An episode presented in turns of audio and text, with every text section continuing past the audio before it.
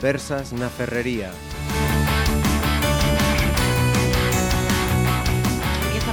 Saludos, eh, arrancamos estas conversas en la ferrería. Escucháis ya a los eh, contertulios que como estén tan tan animados como han venido, esto promete muchísimo.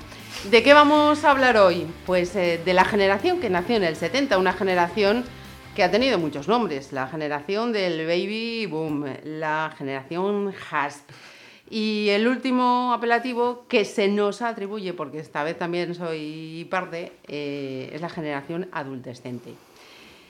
Paula Tomé, María Durán y Román Muiños, gracias y bienvenidos a los tres. Gracias. Gracias. Que todos compartimos ese nexo de haber nacido en la década del 70, como decía, ese primer apelativo de esa generación, la generación del baby boom, en vuestros casos, en vuestro entorno familiar. ¿Fue así? ¿Sois familia numerosa o sois uno o dos en la familia? No, en mi caso somos dos y, y también pues mis primos son entre dos y tres, o sea que, que muy normal, como hoy en día, vamos. Bueno, nosotros sí que somos baby boom, somos ocho, yo soy la séptima. Y bueno, eso ya es más que baby boom, ¿no? Super boom. Yo, que conste que eso sí que lo envidio, ¿no? Sí, Esa- esas sí, eh, sí. familias con tantos hermanos que dices tú, bueno, tenía...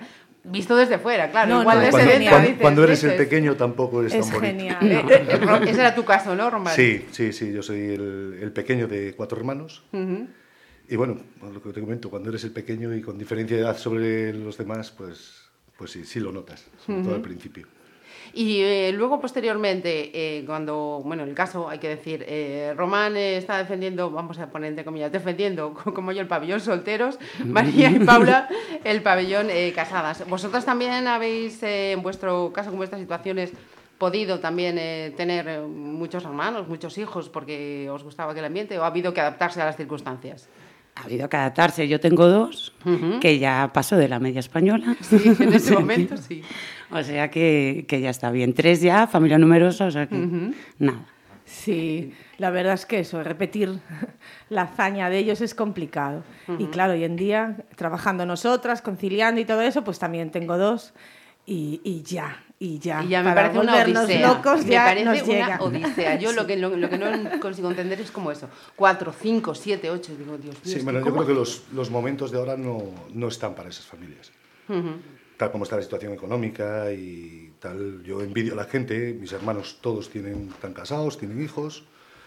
Y bueno, yo de, de momento aún no he encontrado mi momento, digamos. ¿no? Y creo que cuanto más pasa, Más complicado. más complicado, Sí, sí. más complicado. Yo creo que al final también te vuelves un poquito egoísta y priorizas pues tu trabajo, tu bienestar, que bueno, que plantearte plantearte tener hijos. No, y que incluso lo ves, dices, bueno, pues oye, yo con 40 y tantos, igual ahora me pensar en tener un, un niño, bueno, es... Se hace Ya tengo duro, ¿no? ya tengo sobrinos, tengo los hijos de los amigos, ya tengo muchos Sí, para sí, aguantar. Sí, sí, sí. Pero hasta los 30 ahora no se suele tener, es decir, que No, no, De 30 a 40. Yo siempre la edad pongo se ha alargado también un montón de tener el, primer, el primer niño de esos 20, 19 que se tenía antes, ahora eh, tener un hijo a los 25 años, a los 26 es una locura. Es muy pronto, sí. Sí. Claro. Ahora es a partir de los 30 que te empiezas a plantear. Entonces aún vais a tiempo. Sí, no, no, por supuesto, pero bueno, yo Igual el año Muchísima que viene vida. hacemos una tertulia y Román se nos viene aquí con el Ay, Sí, Román a lo mejor viene traigo un con primerizas sé. con 41, Sí, con de 42. nuestra edad, que las ves por la calle embarazadas, del primero, Sí. del primer hijo, que es lo que más te llama la atención. Sí, sí. Y bueno, Todo se ha alargado. También No, pero yo, por ejemplo, vida. yo lo comparo con, con la situación que tengo en casa, ¿no? Con mis hermanos. Y mis hermanos, siendo mucho más jóvenes, sí estaba- estaban casados, teniendo hijos y... ah, los admiro, los admiro, con su vida mucho más proyectada. Pero bueno, también las situaciones de cada uno. Claro, las es mujeres también distinto. hoy afortunadamente estamos incorporadas al mercado laboral y eso, oye, también hay que, hay que verlo. Afortunadamente también ahora nuestros padres, eh, los abuelos, están haciendo... De, ¿De niñeros? Efectivamente, De niñeros, ¿no? seguros. que, que haríamos muchos o que harían muchos si, si no tuviesen Sí, también los a los abuelos, abuelos. ¿no? claro, sobre todo las, Afortunadamente, sí, ¿eh? las abuelas, que son amas de casa. Sí, sí.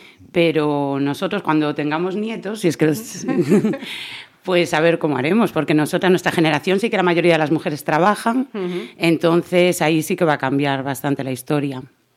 Pero bueno, si, si disponemos de abuelas y abuelos que están jubilados o amas de casa, entonces ya tenemos la mitad del trabajo hecho.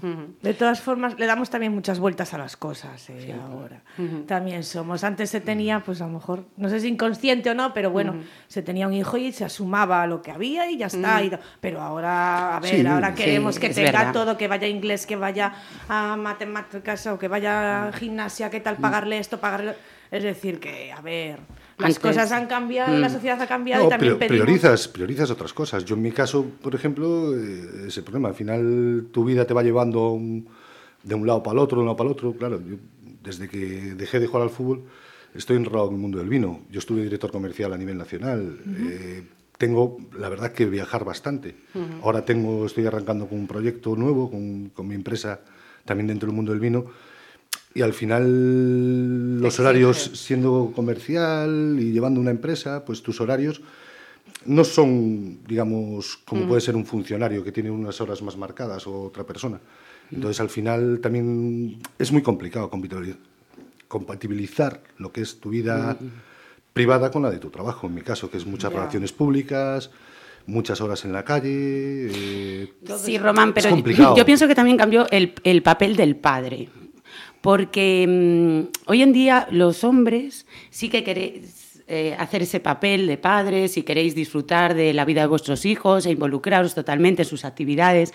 Y en cambio, tu trabajo de comercial en el mundo del vino es un trabajo que siempre existió y, cualquier familia eh, cuyo padre estaba pues incluso emigrado en Suiza salían adelante igual o estaba trabajando fuera. No se le daba tanta importancia. Hoy en día casi es un trauma que un padre no pueda ir a un festival escolar, por ejemplo. Ya creamos un trauma y le damos una importancia a cosas que antes no las tenía. Yo cuando era pequeña y hacía los festivales en el cole, mi padre tenía que trabajar.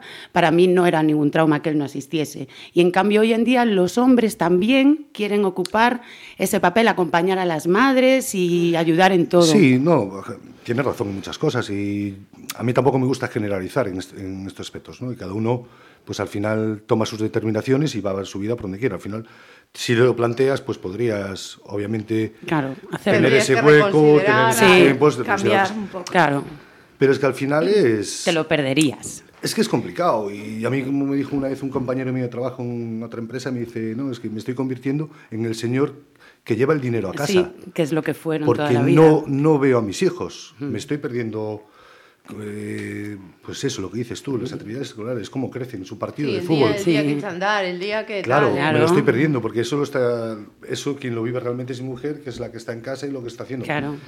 Y eso a veces también te tienes que plantear y decir, oye, pues eh, Me le voy merece le voy la pena, me quiero, no merece la pena, le voy a poder dar lo mejor, porque yo sinceramente, o sea, eso es complicado, Es muy muy complicado. Y sobre todo cuando estás arrancando un proyecto nuevo, que toda tu vida depende de esto, Claro. yo ahora mismo no me veo en situación de ser padre. Claro. Pero es que no me veo ahora, ni me veo hace cinco años, ni me veo hace diez años. Porque, bueno, pues antes cuando jugabas al fútbol eh, era salir, entrenar todos los días, fines de semana viajar con el equipo, estar en un sitio distinto cada fin de semana, partidos que juegas en casa tienes que, bueno, pues la preparación del partido, tienes que cuidarte, no sé qué, no sé cuánto. Y ya te digo, tampoco es una excusa, ¿no? Porque compañeros míos sí han sido padres y tenían familia y compatibilizaban todo. Pero yo no lo veo. Yo no, a día de hoy yo no lo veo. Claro. Voy a hacer los 40 años y no sé si en un futuro lo veré, ¿no? Bueno, Pero para- a día de Ahí hoy lo veo. importante es lo que dices, hay que quererlo. Claro, Sí, no, claro. no, por supuesto. Es decir, el- lo mejor es Que eso. yo lo veo si como una quieres cosa bien muy- y si no quieres, Y pues si no te es que- metas. Hay que Claro, respetar. es que- claro. Es que yo lo veo como, yo lo veo como un tema muy Es serio. Claro, es verdad, es, Es que es un verdad. tema muy serio, que no es- hay que obligar a la gente de tal. Si quieres bien y si Es no, coherente, una si no te claro apetece, sí. si no quieres, ¿para qué lo vas a hacer? Claro Porque te lo sí. marca la... Ni las mujeres ni los hombres. Claro, Vamos, igual que hoy en día las mujeres de 40 años que deciden no tener hijos, una mujer con 45 años decide no tener hijos, antiguamente 30. se la podía ver como la rara. Dios mío, una mujer que no siente la maternidad con, con 45 años, pero va a quedar para vestir santos, la solterona. Y en Sí, sí. cambio hoy en día pues es algo respetable y es pues casi normal. Hay un montón de mujeres. E- Ese es otro tema que quería tocar ahí. Estaba más adelante, pero mm, va la conversación bien, va, va bien. Efectivamente, el, el concepto de solterón, ¿no? Ya se nos ve, no se nos ve como... Yo, yo creo que sí, sí que se va cambiando, ¿no? Ahora elegimos Eh, no es porque no tengas opciones, que pobre, no, que nada, ¿no? Una o sea, decisión. lo elegí, es así y para adelante. Sí, no, yo no me considero ningún solterón. Sí, sí, no, no, yo tampoco. Hombre, faltaría. Yo me considero una persona que, que en cada momento intento aprovecharlo al máximo y ahora mismo pues estoy en una, en una época que estoy francamente bien. Tengo pareja, pero, pero que tampoco, o sea, no me considero... Y de no hecho, estás bueno, acosado por me tengo que casar o tal. no, no, no, no, no. De hecho, bueno, he tenido otras relaciones, he convivido con, con parejas, con todas me dio fantásticamente bien, aún después de la, de la ruptura. Y eso es verdad, no te ríes, María, es verdad. Conmigo no saliste, Román. No, no, no, no. No, no, no. Te llevas muy bien. No, no, no. no. No, pero bien. Y, y ya te digo, en ningún momento, o sea, me, he sentido como eso. O sea, yo creo que al final lo importante es sentirse bien con, con uno, uno mismo, mismo. con Claro. relación personal. Román, pero persona- aún eres muy joven, ¿eh? Y la persona, menos que nosotras. Por eso es muy la joven. persona que tienes al lado, por lo menos que, que se sienta querida y que la valoras en todo momento y que y vamos, que no estamos aquí para hacer sufrir a nadie. Cuando las cosas no funcionan, lo mejor que puede hacer cada uno es irse cada uno por su lado y punto. Esos son más las abuelas y las mamis más mayores que dicen. Sí, "Ay, las cuando te generaciones- cases". Que no aguantáis Pero nada. ahora hoy en día, ¿qué, qué te van a decir? Esa palabra ya ni solterón, ni, ni vestir santos, ni esas cosas. Bueno, aún quedan, ¿eh? Aún se oye, aún se oye. Pero Sobre eso- todo es eso, núcleos más ya mayor. más rurales, igual en sitios Claro. pequeños, Sí, todavía. No, pero yo creo que es Pero más bueno. por la concepción de, de otras generaciones anteriores sí, que, sí, sí, que Lo, sí. veían, lo veían de otra manera. Y Lo al de contrario, ahora enseguida ya te dicen, si no lo tienes claro, ni se te ocurra Claro. meterte en eso, no te cases, no haya boda, no sé, lo de hacer Claro. boda ya, vamos. ni lo pienses, ¿para Bueno, qué? bodas, bodas tenía que haber más, que a mí me repercute bastante. Hombre, Bueno, La gente tiene que- mundo, ya sabéis. La gente que se case y si no se casa por la iglesia, que Para se no case falta la por boda, civil. ¿eh? Se Bueno, celebra una pero- no boda, un divorcio, se pueden celebrar Claro, muchas claro, cosas. unas celebraciones por lo menos para que se consuma. Román, pues si todo el mundo fuese como tú, no habría ni bodas, ni bautizos, ni nada. Hombre, el mundo tendré- del vino estaría acabado. Pero yo tendré, yo tendré que estar ahí para servirlos, ¿no? O sea, yo soy el que me estoy sacrificando aquí. Contratado. En el caso, en el caso de vosotras, ¿no? que sois eh, casadas, eh, se ha retrasado también eh, la edad de casarse y, como decíamos antes, de, de tener hijos. ¿Fue por eh, decisión, el momento personal? Fue vuestro entorno, lo veis que también. Bueno, esto de casarse, vamos a, vamos ya. a emularlo, ¿no? Qué tiempos ya. Yo que sé, decides, te casas, ilusionada, vas ahí, eh, crees en eso y bueno, das el paso. Yo creo que está muy bien también, es un compromiso. Yo por lo menos lo viví así, como un compromiso, no solo con él, sino también de cara pues también a la sociedad y a la familia y tal, es decir, decidir pues dar ese paso.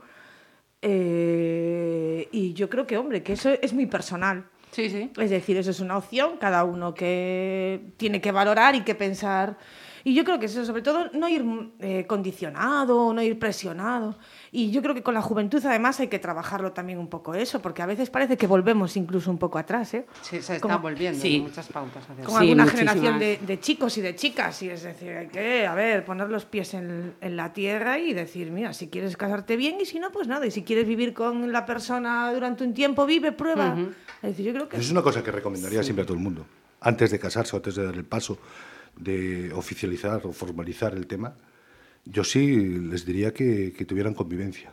Pues yo pienso que fuimos la primera generación que tuvimos Que dio ese paso, ¿no? Sí, que dio ese paso. Sí. Porque antes sí que estaba muy mal visto lo de vivir en pecado. Era, Era la expresión, Sí, vivir en sí, pecado. vivir en pecado. Están amigados. También, yo también he- o- eh, la generación de mis padres, eh, posterior, ¿no? Voy ya, ya avanzando en, en la relación.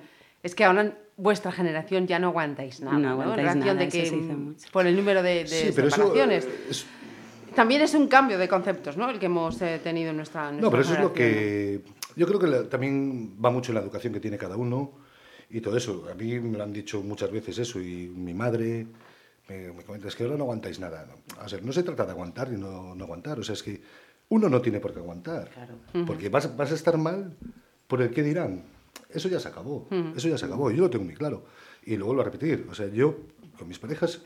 eh, cuando lo he dejado, obviamente, una dar el paso de romper con una persona con la que estás conviviendo, con la que llevas años eh, teniendo una relación, no es fácil para ninguno de los dos. No es fácil para ninguno de los dos y obviamente, pues inconscientemente puedes hacer daño. Pero al final, viéndolo desde otra perspectiva, cuando ya... Con el tiempo. Con el tiempo, te das cuenta de que es lo mejor. O sea, no estás para hacerle daño a nadie, ni que nadie te lo haga a ti. Yo eso lo creo así. Y, o sea, yo es una cosa que siempre, o sea, nunca he intentado hacerle daño a nadie. Entonces, oye, eh, el que dirán me da absolutamente igual. O sea, yo al final a quien tengo que darle explicaciones o con quien tengo es con mi pareja en ese momento. A mí que venga sí, después contigo venga, y con tu pareja. Claro, a mí que después que venga pues eh, amigos o mi madre o quien sea a decirme coño y tal, pues no, pues lo siento mucho. O sea, He visto el momento de que no había salida, de que lo mejor era ir cada uno por su lado. Y gracias a Dios también, como ahora tenemos independencia económica siempre en la pareja, Claro. que es muy importante porque... Sobre todo las ves- mujeres. Sí, no, no, claro, claro. Para por poder decidir. Claro, es que antes, Sobre todo nosotras. antes mucha gente Ese- tenía que tragar porque decía, es me, para nosotras, me quedo, punto. me quedo sola, o sea, me quedo sola, Claro. no tengo trabajo, me quedo como con un niño, con dos niños. Eso te iba a decir, ¿y qué hago con mis ¿Y hijos? qué hago con esto? Y estás aguantando, Y estás aguantando algo, la vergüenza. algo que no, que no debes, no debes. Y bueno, viendo los casos que hay ahora de maltrato y de todos estos cobardes, Sí. dices tú, coño, es que no, no debes aguantar, no debes aguantar. Hombre, ahí estás hablando también de situaciones más extremas, donde a lo mejor No, hay no, de maltrato y todo. Pero de cuidado, todo. lo que decías antes, María, ¿eh? en nuestra generación, y ya ha habido alguna tertulia en la que ha salido la- esta cuestión, nuestra generación hemos dado un paso adelante, ¿no? Ya no consentimos ciertas actitudes que nuestras eh, tías o nuestras madres eh, consentían, pero resulta que nos estamos encontrando ahora con chavales de, de 20 y poco y, y de 30 muy poco, incluso casi no llegan a los 20, que están teniendo otra vez esas eh, actitudes. Entonces dices tú, bueno, ¿qué pasa si nosotros y, y en los que sois padres estáis inculcando esa serie de, de valores, de conceptos y resulta que estamos volviendo atrás? Entonces yo ahí, ahí sí que no, Yo tengo no mi, entiendo qué es lo mi que pasa. punto de vista, que es que, hombre, nosotros, eh, la generación nuestra, pues hemos sido criados de, bueno, dentro de unos valores, dentro de unas historias y creo que, por lo que yo veo, ¿no? la educación es bastante... Yo veo ahora niños, por ejemplo, que no sé si es porque, claro, nosotros antes nos criábamos Ay, más en la calle. Piensa bien dónde No, te no, no, no, no, no. No, por eso, por eso voy a eso. Piensa bien dónde te... No, no, Porque esto también es muy típico, ¿eh? Sí, no, no, claro, claro. Yo hablo desde el punto de vista desde fuera, que yo no tengo críos ni nada. Pero yo creo que ahora los que no niños... es tan fácil educar. Antes, sí, por supuesto, pero es que tú antes, eh, yo lo que veo ahora, ah, antes nosotros éramos críos que estábamos en la calle seguido. Sí. Ya, No teníamos ni la mitad de las cosas que tienen ahora. totalmente. Entonces, cuando querías algo, para conseguirlo, te lo tenías que currar. Nos por lo menos en mi caso. Nos decían no más a menudo. No, Sí, claro, ahora los niños tienen más de todo, tienen más tal. Entonces, eh, están creciendo en otro sentido, en otro sentido, inconscientemente, porque tú al final, a tu hijo, si fuera mío, yo intentaría dar de todo lo mejor. Pero bueno, viendo eh, cómo me criaron a mí, yo, de pequeño era un, como era el chichi de casa, pues era un capullo. Porque veo cosas que, que he hecho a día de hoy, yo siempre digo lo mismo. A mí me, me dieron bastantes cachetes y no me considero nunca un niño maltratado Cierto. no me considero un niño maltratado. Y en algunas cosas que he hecho que yo recuerdo, que he tenido grandes broncas de, eh, en casa, que si es un hijo mío, Dios mío, es que lo... vamos, no puedo Lleva. decirlo. No puedo decirlo, no puedo decirlo. Pero sí es cierto. Entonces ahora veo que, no sé, que viene una, una generación de que tienen todo mucho más fácil, de que no... A mí no me gusta hablar de eso así, ¿eh? Tampoco. No sé, es No claro, sé, yo es que no, eso a lo mejor estoy equivocado, ¿eh? No, no, no es equivocado, son opiniones cada uno. Claro. están. Pero yo creo que los contextos, o sea, el entorno y todo eso siempre tiene que ver y todo eso. No, y supuesto. siempre tendemos a ver la, la- la generación presente siempre es como más peor. Nosotros antes era y eso te lo dicen tus padres. Vosotros teníais Siempre todo. se dice eso. Nosotros antes no teníamos nada. Claro, no, no, es decir, no. eso es ley de vida. Las es cosas decir, se repiten, Y cada uno tiene su contexto. Y ellos tienen situaciones ahora que nosotros no teníamos. También están mucho más pues, es- es- eh, expuestos a otro tipo de peligros o de tal que antes no había. Es decir, cada yo creo, ¿eh? cada entorno, cada, cada momento tiene sus su cosas buenas y sus cosas malas. Después va en función de todo, de todas las familias, de cómo No, sean las supuesto, familias. tú- El entorno es lo que te Pero tú antes llegabas del colegio, Ya, pasantía, y y, tu y padre- estabas esperando a acabar la pasantía para tirarte a la calle, por lo menos Ya. en mi caso, con un balón, con un trompo, con unas canicas, pero al final todos esos juegos Y mis Por padres ejemplo- se criaron en la lama y, Ya, no no, tenían, no, no. y no tenían televisión y te dirán, jugábamos con una muñequita de trapo o con las No, por mariquitas. supuesto. Mi madre siempre me habla de las Pero eran mariquitas. juegos- pero eran- Les- Le pegaba a las mariquitas, María. Y claro, tú dices, mamá, qué mariquita. Y ahora viene la otra y viene mi hija y yo le digo, el trompo que Pero tirábamos sí, María, las pero tú al chapas". final- Mamá. Pásame la ver, PlayStation, mamá. entonces todo es ponerle el límite, las horas, es decir, eh, cuidado, que nos volvemos abuelos cebolletas en menos de nada. Sí, pero a lo que iba yo, que al final, que al No final, es por atacarte. no, que al final, coño, yo me crié, y yo, y yo soy de Ponte Caldelas y me crié en Ponte Caldelas, y al final todos nuestros juegos eran colectivos. Estabas en, la, en la calle y todos nuestros juegos eran colectivos. Bueno, no nos quejemos aquí en Pontevedra, ¿eh? que los niños salen bastante a la Sí, calle. no, no, por supuesto, A no, partir no. de 11, 12 años ya están solos por la herrería y aquí no nos podemos quejar. Todo pasean por ahí, todo peatonal. Es una ciudad muy segura. Entonces los no, no, niños... sí, es una maravilla de ciudad, eso lo tengo claro, pero Claro. por eso vivo aquí también ahora. Pero tú imagínate criar un niño en Madrid o así. A ver quién lo, quién lo iba todo el día en el coche, sin jugar en la calle, sin amigos, sin... eh, Se No, crían en no los barrios, tampoco se crían en Alcobendas, joder. se crían en la Gran Vía. Habrá niños en la Gran Vía, María. Pero hay pocos. Bueno, tienen otra serie de ventajas. En el barrio de Claro, Salamanca. no, tío, tienen los VIPs. Tienen otras series de ventajas que no tenemos. Pero no es lo mismo, ¿eh? Aquí, claro. aquí da gusto verlos. Que salen, Pues, siguiendo salen un poco pandilla. en plan abuelos cebolleta, como Es- dice María, que me ha gustado la expresión. Nosotros crecimos y nos educaron con la, Que con la tenemos EGB. 40 solo. Solo, lo- luego, luego lo vamos a repasar con otra cosa. Nos, que, nos educaron con la EGB. eh, y sobre todo supongo que serán ellas, eh, que son las, eh, las mamás las que pueden hacer este eh, juicio de, de valor. Eh, ahora, los ciclos que han venido posteriormente, ¿los veis que van mejor preparados? Eh, ¿Era mejor en aquella educación general básica con la que... Hombre, en teoría van mejor preparados. En teoría. En teoría. Desde infantil empiezan con inglés. Nosotros empezamos en sexto de, Sexto, empezábamos nosotros, sí, sí. de GB. Y en teoría van más preparados. Los profesores están más preparados, los colegios están más preparados. Pero bueno, luego La metodología de en la práctica yo creo que no van a tener tanta suerte como hemos tenido nosotros. A mí lo único, lo único que me preocupa es por culpa de, de, bueno, de los políticos que tenemos en este país, es que no se, puedan, que no se pongan de acuerdo para hacer un, un consenso en, en educación. Porque al final, cada vez que cambian una legislatura... Hacen política con la educación. Hacen política con la educación y llega uno y cambia unas cosas, y Cambian- llega otro, cambia el otro. Y entonces, para mí eso es, es vergonzoso. Cambian la Es ley cada cuatro años. Yo Claro. tengo dos niñas estudiando eso y, y cada cuatro años hay que volver a aprender, eh, a ver de qué va ahora esta ley, a ver si ahora eh, tienen examen a final de curso o no y no me entero de nada. Yo no tengo ni idea. Ponemos asignaturas nuevas, las quitamos y, y vamos sacando así los cursos, pero no sé si irán más preparadas, se supone que sí. Yo no, no sé Tenemos la duda. si tendrán tanta suerte como nuestra Yo lo que creo que han entrado es los padres en la educación. Bueno, son los secretarios de los niños. Ahora han entrado los padres, porque Ah. hasta ahora, pues eso, tu madre iba a una reunión allá Tú ibas al a cole. la tutoría algún día y tal, Sí. pero, pero ahora tenemos grupos de WhatsApp, tenemos reuniones. Yo no estoy en ningún grupo de Tenemos WhatsApp no de niños de colegio. Debo ser la única de España. Mi hermana. yo tampoco, ¿eh? Mi hermana sí. Y, y es, es verdad, María, me llama la atención. Yo la primera vez que vi es que tenemos el grupal de los padres. Ah, entonces y han entrado los padres deberes todo. y fulanito. eh, digo, pero- Eso es horrible. Son los secretarios. ¿Tú Ah, y, antes- y antes teníamos mucho más respeto, por ejemplo, a los profesores. Yo eso sí lo veo por las noticias en la prensa. y. Antes teníamos mucho más respeto a los profesores. A Hmm. mí no se me ocurría levantarle la voz ni tal. Y, joder, al final... También nos conoces a- tiraban de conoces- los pelos. Sí, sí, sí. Bueno, No, bueno no, María, eh, ¿te pareces ya a mi padre No, cuando no, dice eh, que le daban con... No, no, y que con la regla me, han- me han dado a mí en las Pues uñas y entonces, tal. ¿qué? ¿Qué? No, pero por ejemplo... mío, parecemos viejos. No, Eso es de respeto. Pero yo, pero si yo llegaba, yo sí llegaba a casa diciéndole, ¿Y oye, el chicle pegado? que el, que el- Te que llega el- ahora el niño con el chicle pegado profe- a casa que el profe- Pones y una denuncia al colegio. Vas allí, que Yo antes- me pagas.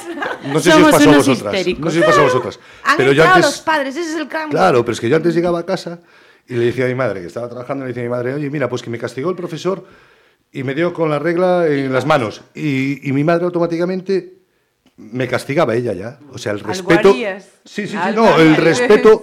El respeto que le teníamos an- an- antes a los profesores. Yo ahora tengo amigos y amigas que son profesores y me cuentan cada película de que no le pueden decir, o sea, ni, ni expulsar a un niño de clase cuando se está portando mal, ni nada. Bueno, a mí me pasó cuando educaba también a niños en, en fútbol y tal, que cuando entrenaba a niños pequeños, o sea, a mí me venían, me venían los padres a montarme unas bullas porque había castigado a su hijo cuando se estaba portando mal y no se daban cuenta de que, de que estabas influyendo en su educación y, y que, y que tenías que callarte, tenías que callarte. Y- Yo creo que, que hay- hay dos grandes diferencias entre la educación que recibimos nosotros y la que están recibiendo los niños hoy en día. Una es el uso de las nuevas tecnologías, que nosotros éramos niños libres, sin un móvil que nos controlase, nuestra madre, dónde estás, dónde no estás. Y otro es... em, eh, están sobreprotegidos los niños hoy en día. Los padres son secretarios de sus hijos. Yo mm, volví a casa del cole y no había anotado bien los deberes que tenía que hacer. Aparte de llevar una bronca de mi madre, al día siguiente me comía la del profesor por no haber llevado los deberes. Hoy en día el niño no anota bien los deberes, tranquilo. Grupo de WhatsApp. ¿Qué deberes hay para mañana? El niño lleva los deberes casi hechos por su madre. Esto es un mundo. Tenemos uno o dos niños, compramos un volumen. Llevamos al niño a entrenar al fútbol y le decimos al entrenador cómo hay que entrenar al niño. Y nos enfadamos por todo. Sí, sí, no, no. Es una en- en locura como caso- tenemos a los en niños. ese caso que, que sé bastante es que ves a gente que deben pensar que tienen ya Messi y Cristiano Ronaldo en casa, que les van a sacar sí, a trabajar sí, algo. Cuando al final, eh, o sea, tú lo que le tienes que inculcar a un niño, eh, porque yo lo, lo he vivido así, porque bueno, pues he jugado muchos años a esto, y al final tú lo que tienes es que aprender a, vivir, a convivir en un colectivo, eh, coger un hábito saludable que es hacer deporte, y que el niño se divierta y que el niño entrene y que el niño haga una... Es porque al final no deja de ser una actividad extraescolar. Pero claro, si ya la primera estás llamando de todo el entrenador porque no pone a tu hija a jugar, o como tengo yo a veces cuando salgo a correr por, la, por allí por la zona junquera, que me paro a ver algún partido y Lo veo a niños, a niños, a niños de locura. 5 años jugando un partido y el padre diciéndole que le reviente las piernas al, al contrario, que es para decirle, "Mami, pero usted... eh, No, no, lo mejor que tenía que hacer era meter una vitrina, meter una vitrina, meter allá a los padres que no lo escucharan los hijos, Prohibido, porque están, al final están influyendo. En la educación del niño. sí, sí. A quien dice fútbol Están- dice cualquier otra No, no, no, dicen todo, claro, claro. Yo lo estoy llevando ahora al tema de fútbol porque lo sacamos, pero, Sí, pero, que al final... de lo que hablamos es, es de nuestra generación. ¿eh? Sí, sí, somos nosotros esos Sí, sí, sí, padres que muchos, estamos muchos son de nuestra que generación, que, somos yo, nosotros. que Estamos yo me quedo, hablando de que todos yo me quedo estos, de- asustado. De los del LGB, los que recibimos valores y los que No, no. teníamos el trompo Los para recibimos, jugar. pero no los damos. Por eso, por eso a es mí, que, a, mí ver, por eso es que, a veces no me gusta generalizar porque al final, por es desgracia, que es torpes, gente toda, torpes ¿eh? los hay en todos lados. Bueno, gente buena y gente mala siempre la hubo, pero... Y torpes los hay en todos lados. Claro, y es que es así. O Es sea, lo que, nos hemos vuelto un poco locos, Tontos. ¿no? A la Pero locos de- no trastornados, ¿eh? Es- y Sí, tiene no, no, razón veo- Román cuando dice todos creen que tienen a Cristiano Ronaldo, todos... Eso, dices tú, qué frustra está la gente. Como no triunfó en el fútbol, quiere que el niño le triunfa. Y yo, quien dice fútbol, ya digo, cualquier otra actividad. No, en cualquier deporte. Cualquier, bueno, deporte o O cualquier actividad. Incluso sí, actividades. Sí, sí. o Cualquier actividad extraescolar. Que ahora, lo- como los llenamos de actividades también, porque no tenemos tanto tiempo libre y los niños solos en casa no, no pueden estar. Vamos a dar un pasito más. Cuando nos incorporamos al mercado laboral, o estábamos terminando de, de estudiar allá por los 90, nos llamaron la generación JASP. Éramos los jóvenes, pero sobradamente preparados. Nos incorporamos al mercado laboral, yo creo que afortunadamente con más facilidad de lo que está sucediendo ahora, pero de acuerdo a nuestra preparación, o somos una generación con esa preparación suficiente, pero que en el mercado laboral no se nos ha reconocido como veníamos. Uf, a mí me da muchísimo pudor no quejarme de algo ahí. Ves la tele hoy en día y dices, Dios mío, ¿cómo nos podemos quejar? Si has estudiado lo que te gusta y te has dedicado a lo que te gusta y de repente tienes un trabajo en ese sector, hoy en día, y cobras a final de mes, te puedes ir dando con un canto en los dientes. Sí, pero por desgracia pero es estás pidiendo, por desgracia estás pidiendo mucho. Es muy Es justo. triste, es Sí, muy sí, triste, sí, pero sí, sí. es que es así. Los jóvenes de hoy en día que salen de la universidad salen mucho más preparados que nosotros, salen con uno o dos másters, en vez de un idioma llevan dos o tres y no tienen la facilidad que hemos tenido nosotros. Eso es, yo lo veo así, vamos, lo veo claramente así. Los niños que salen este año de la universidad, uf, lo, Sí, tienen- no, y los lo tienen Sí, muy pero el problema, complicado. el problema por eso se tienen que ir fuera. Muy complicado. Pero si aquí no hay oportunidades. Aquí No, ahora nada. mismo no hay oportunidades. Nosotros, yo en ese sentido, pues, toco madre, siempre tuve suerte porque siempre me he buscado Mm. la vida y si no era una cosa era de otra. Siempre he trabajado, eh, incluso he compaginado pues, incluso dos trabajos a la vez. Y bueno, gracias a Dios ahora estoy, soy empresario, tengo mi propia empresa, estoy en el mundo que me gusta, pero, pero ves las dificultades también que tenemos, porque yo hasta ahora siempre he sido empleado, ahora pues, pues tengo mi empresa, ¿no? Y ves las dificultades que tenemos los empresarios, lo que siempre hablamos de la mediana empresa, para salir adelante es complicadísimo, es que no te están facilitando nada poder incorporar gente, no te lo facilitan. Cuando ellos sí, bueno, aquí se están llevando los bolsillos llenos, ahora con todas las noticias que están saliendo y que saldrá más, porque...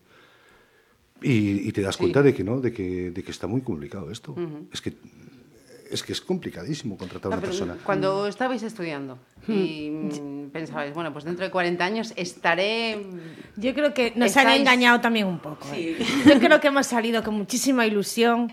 Hemos sido una generación que nuestros padres no habían estudiado, que nos han dado la oportunidad, que nos han que se han visto en nosotros, pues ir a la universidad era como algo, ellos, era, ellos sí que vivieron la transición, sí que vivieron todo eso, yo incluso mis hermanos mayores, todo eso, y es una generación en la que sí que hemos podido, hemos podido acceder a las becas, hemos podido acceder, pues ya eso en los 80, que los 80 es nada, que, la democracia vino en el 78, o sea, que vamos, eh, eh, los 80 están ahí en los 90, entonces hemos sido una generación, eso, que hemos ido como de ilusión a la universidad, que hemos dicho, bueno, ya, venga, somos universitarios, salimos de ahí, ta, ti, y boom, es decir, boom. Sí, sí, nos eh, llevamos boom, porque no, no, no, tienes que, tienes que eh, buscarte la vida sitio para todos, es muy complicado, y luego es como todo, es la guerra, siempre es eh, pelear por los perfiles, la gente pues con, con un perfil... No, pero la, pues, competitividad, no es mala, eso es bueno, eso claro, te hace mejor. Yo desde... Y, ahora yo sigo en continua formación. Y ahora están más desanimados, yo creo. Ya los propios chavales, yo creo que están mm. un poquito más desanimados. Bueno, no sé qué estudiar, porque total, ¿para qué? Total, no sé qué, total, todo es lo mismo. Y es que es verdad, ves a chavales aquí en Pontevedra de publicidad, ves a todos estos con 20 años, 22 chavales más estudiar nos permitieron estudiar lo que queríamos. Siempre me dijeron así tú estudia estudia lo que quieras pero sí, estudia saca una carrera. lo que te guste. Claro como dice Román claro. más que estudiar era saca una saca carrera, una carrera. en mi casa que tener una carrera era decir a partir de ese momento ya va sobre todo, al ser mujer tenías que estudiar, tenías que estudiar, sobre todo al ser mujer, y, y, no depender de un hombre y toda la película que te cuentan. Y si puedes viajar, y si puedes aprender un idioma, y si puedes disfrutar un poco de la vida, y tú... Pero claro, por lo menos al salir, pues alguien te dio una oportunidad, has cogido un poco de experiencia, pero los chavales de hoy en día, yo creo que las notas de corte están mucho más altas, las becas no son tantas, les cuesta mucho más acceder a la carrera que de verdad les gusta. Muchas veces están estudiando por estudiar, porque en realidad no les gusta la carrera, con lo cual van a ser unos profesionales pésimos, trabajando de algo que no les guste. Y, al acabar tienen que hacer un máster, eso mínimo, con lo que cuestan hoy en día, de 12.000 a 17.000 euros. un idioma, es que no es nada, porque un idioma, que es que lo saben todos, si quieres despuntar un poco, vete con dos. Y total, para ir de camarero al Burger King o al McDonald's. o, de ingeniero a Alemania, que dicen que se van, pero no sé cómo estarán allí. Sí, sí, sí, No sé, yo creo que los de españoles por el mundo son elegidos porque en realidad están todos bastante quemados. De todas formas, de camareros también hemos sido nosotros, ¿eh? Es decir, que también hemos sido. En la época de estudiantes, no con una carrera. Y después también. no ¿eh? tanto, También hemos sido. Hombre, a ver, es que a veces también se tiende a mitificar. A ver, es decir, que no era salir y tenías. Es que no también sí que es cierto que ahora está complicado también las cosas y todo eso, pero bueno, la formación está ahí y, la, y es de ellos. Y, no, pero es que hay, momentos que mientras no, mientras no te aparece tu oportunidad, te tienes que buscar la vida. Pero estudia Porque no vas a estar viviendo. Tú te independizas. Antes bueno, ahora ves, eh, ahora con la situación real que está, la gente tarda mucho más en independizarse, pero, claro, claro, pero bueno, claro, yo con 21 años ya me fui de casa. Claro. Y buscándome la vida, y buscándome la vida, porque oye, llegas un momento que tus padres te cogen y te dicen, eh, macho, que...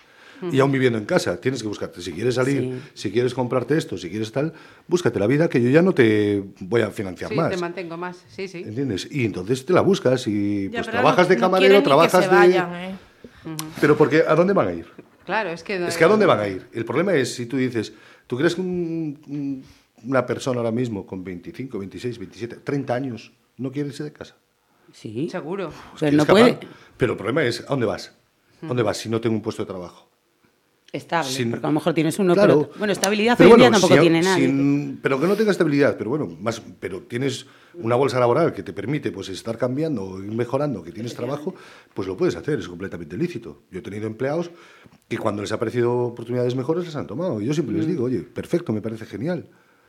Aprovecharla y, cuanto, y aquí estamos todos a crecer y estamos todos a intentar mejorar.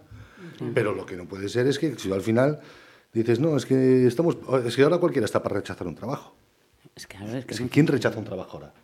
Hay todavía casos. Mucha gente. Sí, no.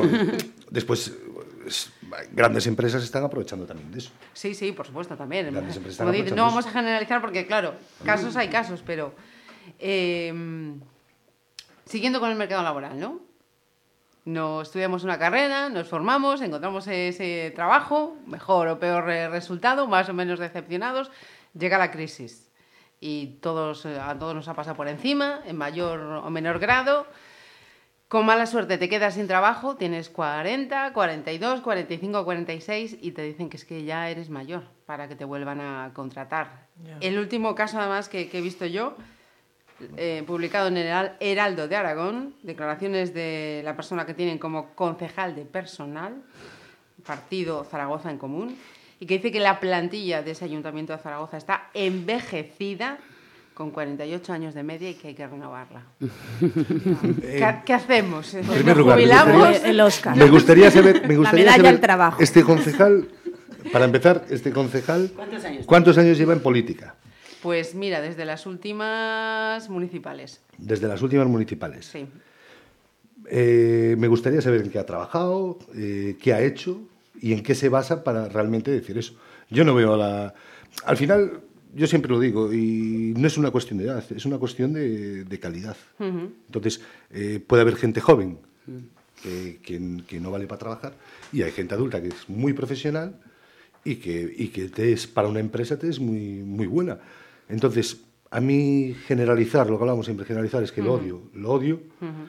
Y que un tío me diga que con 40 años, que bueno, a mí me tiene pasado, ¿eh? Mm, eh, yo antes de decidir montar la empresa, pues una empresa dijo que, bueno, que, que ya me venía mucha edad y que no me, venía, no me veía dinámico para estar viajando por toda España con un proyecto nuevo, no sé qué tal.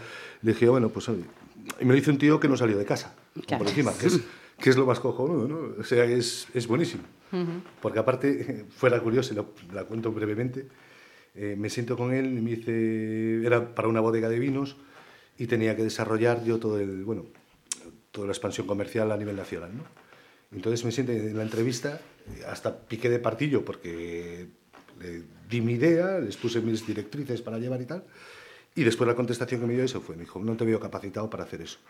Resulta que contrató una persona más joven que yo conocía y cuando a los pocos meses de verlo y tal, dije yo, ¿qué tal? No, bien, estoy bien, estoy delegado comercial y tal. Dije, coño, el puesto era para director y ya te, te ha metido eh, delegado comercial. Estaba desarrollando todo lo que le había dicho yo.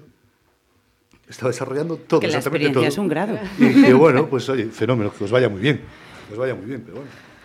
Nunca es tarde para copiar ideas. ¿no? Sí, no, no, no, yo le decía al otro duro, ¿no? Aquí... Bueno, Bueno, que nos sentimos con ganas para seguir trabajando muchos añitos, ¿no? Por mucho que sí, esté sentimos eh, el ¿no? señor No. concejal diga... no nos queda, no nos queda más por favor. remedios. Con cuarenta y pico. Somos Estamos en la flor de la vida. y que no somos políticos. Bueno, Tenemos energía, salud. los hay de 30 que parecen abuelos Claro. y los hay de 65 que parecen yogurines. Eso va todo en la cabeza. En el coco. Sí, hombre. El sentido común, la experiencia, es decir, todo eso es, vamos, la madurez, la madurez. A ver si la alcanzamos. Que está, claro, que, Que sí, es curioso. y tú- Bueno, claro, todo. Todo- te lo da la perspectiva de los años, ¿no? Pero cuando, por ejemplo, estabas en la universidad, ¿no? Y alguien te decía, no sé, 40 años, parece que era como... claro. Era un cuarentón. Hombre, claro. Aquello, aquello queda... Era un cuarentón. y ya estamos en el cuarto piso todos. Sí, Sí, sí, 30 Ya hay que, y- ya hay que empezar a dar la vuelta al jamón. Y eh, eso, llegados a los 40, ¿llegó un momento de revisión vital o fue uno más y para adelante? No, yo cuando cumplí 40 no tuve revisión vital. Yo tuve revisión vital hoy cuando venía para aquí y pensaba, ¿y de qué vamos a hablar? Caray, es que yo he visto Barrio Sésamo. sí, sí, sí, sí. La eje de cómo pasaron los años, pero fue hoy, no cuando cumplí los 40, que fue un día de fiesta y, Bueno, pues espero que sea, mira, que me alegro que sea fuese día de fiesta y espero que por lo menos esta revisión haya Sí, sido sí. positivo. Bueno, la de hoy fue positivo. Se acordábamos Bueno, de yo, yo aún, no, aún no cumplí los 40, con lo cual Bueno, espero... estás Te queda por Bueno, te queda a- muy si, poco, es, Román. si es por montar una fiesta, pues una más. Tampoco pasa nada. No, No te va a suponer eso ningún momento de decir, uff. Es la mitad de la vida, ¿eh? Sí, Hombre, pero al la final... mitad ahora no, porque ahora ya duran más Yo que es el día a 80. día. Pero nosotros no, porque Ahora hemos vivido mucho. 86, Sí, pero, 90. pero, Estamos muy quemados. pero yo voy el día a día, o sea, yo no me planteo ahora ni metas ni nada. Yo es el día a día, sacar, Ya, pero ahora es sacar lo mío para adelante. eso lo hice yo hace 20 años. Y tú dices, ahí fui yo, no sé qué, el otro día que decíamos que iba a Londres, no sé qué, y yo, y yo pensando, ¿y cuando estuvimos nosotras en Londres? Pues hace 22 Y tú dices, ¿cómo años. puede estar hace Hace 22 20 años? años. Hace 20 años que nos fuimos a Y dices, ¿cómo puede ser hace tanto? Que no Sí, no, hombre. empiezas, a detectar cosas de que qué te estás haciendo rollo. mayor. Pero bueno, yo sigo con la misma ilusión los siempre. niños, los niños te, te, Pero eso te- vosotras, yo te, no. te hacen, ¿eh? De repente cuando te ves con los carros, y mami, y tú dices, No, yo ahora, ahora cuando veo, cuando, cuando veo a mis sobrinos que están todos en la universidad Tal cual. y, y- y los llevo a conciertos a Santiago, por, lo- por tal, a ver grupos de, de los que me gusta a mí, que al final es música también que le gusta a ellos. Ajá. Y claro, y te ves con ellos y dices tú, macho, pues si andaba ¿Qué pasó el contigo tiempo? en el colo y ahora ya... Y Te ahora pago las copas. Y ahora te pago, es que te, te pago las copas. Y aún por encima, Y el vino. y aún por encima el, que, el que no puede ver soy yo que llevo el coche. claro, Y claro. tú, Qué listos te salieron tus sobrinos. Sí, sí, sí. No, la verdad que no tengo ninguna queja. Estoy enamorado de ellos. ¿A quién, Enamorado. ¿Cómo es? A quien Dios no le da hijos, el diablo le da sobrinos. Sí. ¿no? Yo estoy enamorado de ellos. Yo también, tengo que confesarlo. Sí, Hay que pero no es lo mismo, ¿eh? ¿Eh? No, no, no. Los tíos estamos para Ya, ya, malcriar. ya, ya. Sí, ya Y- fuimos y, es, tíos, y antes cierto que... que- nuestra generación también ha cambiado ese, ese rol del tío de antes, ¿no? Ya. El tío de antes era eso, el hermano de tus padres y estaba ahí. Pero yo creo que ahora tenemos otra relación No, yo digo, yo salgo, yo salgo de marcha con ellos. Por ejemplo, eso, yo, con mis también. tíos nunca he salido de marcha ni me he ido por ahí. Sin embargo, ahora es... Bueno, yo con algunos sí, ¿eh? ¿Sí? Sí, con algunos sí. Sí, yo también. Yo no, no, sí, no pero me pasa que en mi familia son muy juergas. Entonces sí, tenemos ahí un gen... Un gen malo de ese, a lo mejor los aires de ahí arriba. ¿no? De Puente Caldelas. Eh, Ponte Caldelas, Alama, tenemos ahí un gen, tenemos ahí un gen malo. que no sois nada. Hay que hacer una tertulia entonces para otro día sobre los aires de Ponte Ponte Caldelas. Que Uh, no, no, no, ahí- De Marcón para arriba. Sí, sí, las Highland, como dice un amigo mío. De las Highland. Pues eh, vamos a ir terminando, chicos. A mí se me está No. pasando el tiempo rapidísimo, la verdad. Pues sí nos quedan muchas cosas. Eh, sí, sí, aquí podríamos estar hasta las 2 de la mañana. A, Lo a dije- Román, a Román Lo, lo dije yo antes, lo dije yo. Son las 2 de la mañana y estamos Y aquí. vamos a estar ahí.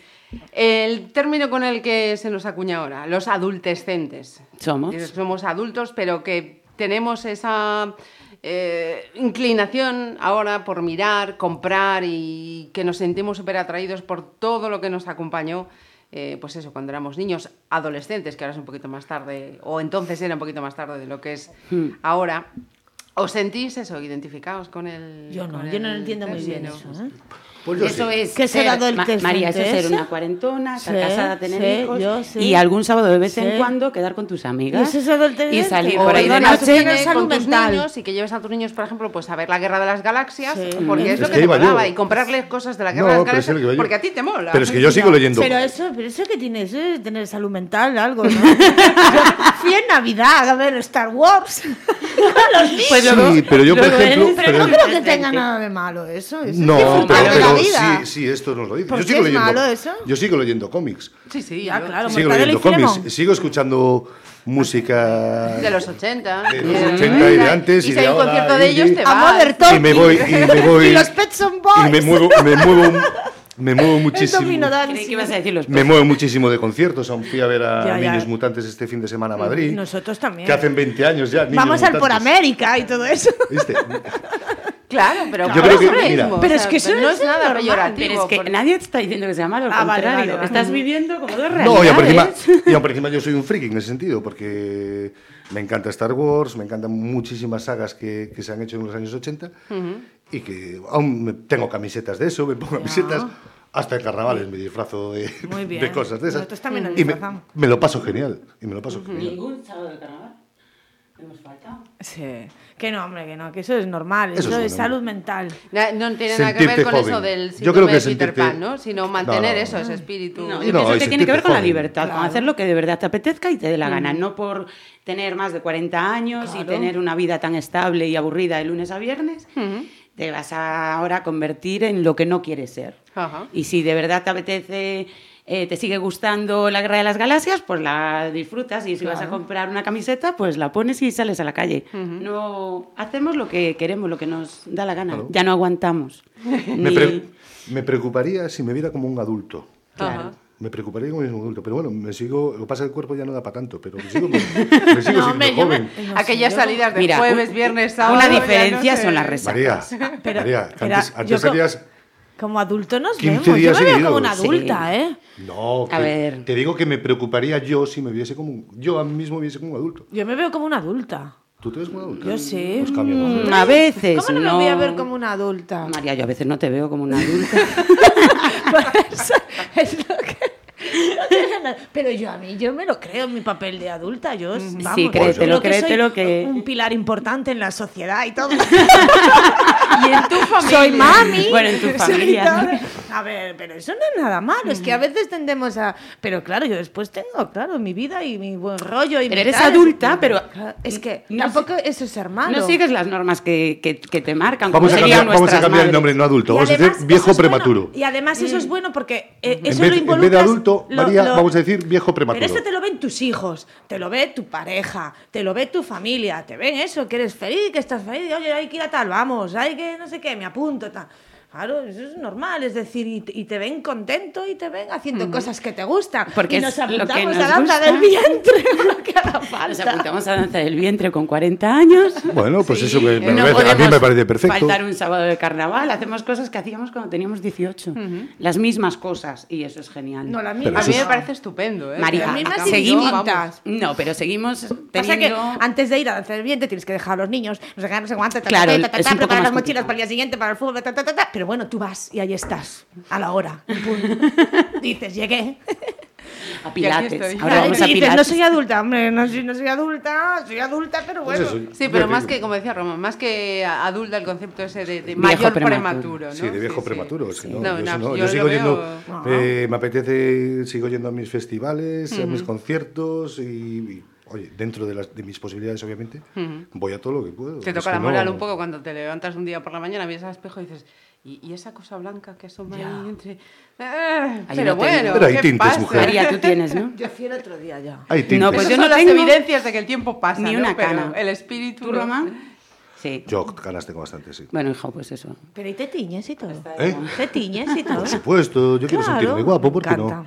Bueno, hijo, Que con sí, canas Porque eso de quedarse con canas así los hombres, todos tal, pues tampoco. Hay que teñirse. Claro. ¿Por qué, jova? Nos teñimos nosotros, vosotros también. Que Hombre. sí. Sí, sí, ¿no? Ahí- Y ahí hay nuestra generación también, ellos eh, para adelante, ya no es como... Pero ¿qué tiene malo ser presumido? O ser presumido. Hombre, hay todo lo que cuidarlo. Yo creo que nada, vamos. Todo lo contrario. Y eso, nos sentimos jóvenes. Y con 65 años nos vamos a sentir igual. Dios. ¿Con cuántos? 65. Sí, Sí, hombre. tenemos salud. Cuando, cuando llegue te lo comento. Nos rompemos la cadera. Volvemos De momento creo, 40, nos después sentimos bien. No 41. rompemos- pero sí. Seguiremos viendo que Danza sí. del Vientre. Yo, estoy segura- yo tengo a mis hermanas mayores y todo, y vamos, es que sí, sí. Todo el mundo, porque ahora, claro, nos vemos, sí, los 60. Los 60 están ahí también, A llegan y bueno. Y como ahora. Nos veremos jóvenes. Aún nos queda mucho, María, aún nos queda mucho. como, dicen, sí, bueno. como dicen los señores de 80 años cuando van a los entierros, era un rapaz. O que morreu era un rapaz, tiña Está- Está 75. muriendo gente que no moría nunca. Pues chicos, María, Paula, Román, que me lo he pasado genial. Nosotros también, muchas gracias. Muchas gracias y, Gracias os anoto para próximas eh, citas. Vale. mucho Muy bien. A la saga Star Wars.